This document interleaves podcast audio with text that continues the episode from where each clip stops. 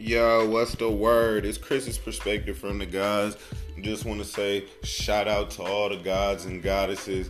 Big love in the world if you're making it. You feel me? Energy is everything. Vibes is everything. Is invisible things we don't see, but they there like air. You feel me? Hey, shout out. Keep the energy high. Keep the fake and the BS low.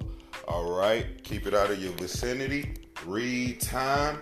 And if you need to talk, holla at your boy. It's the God.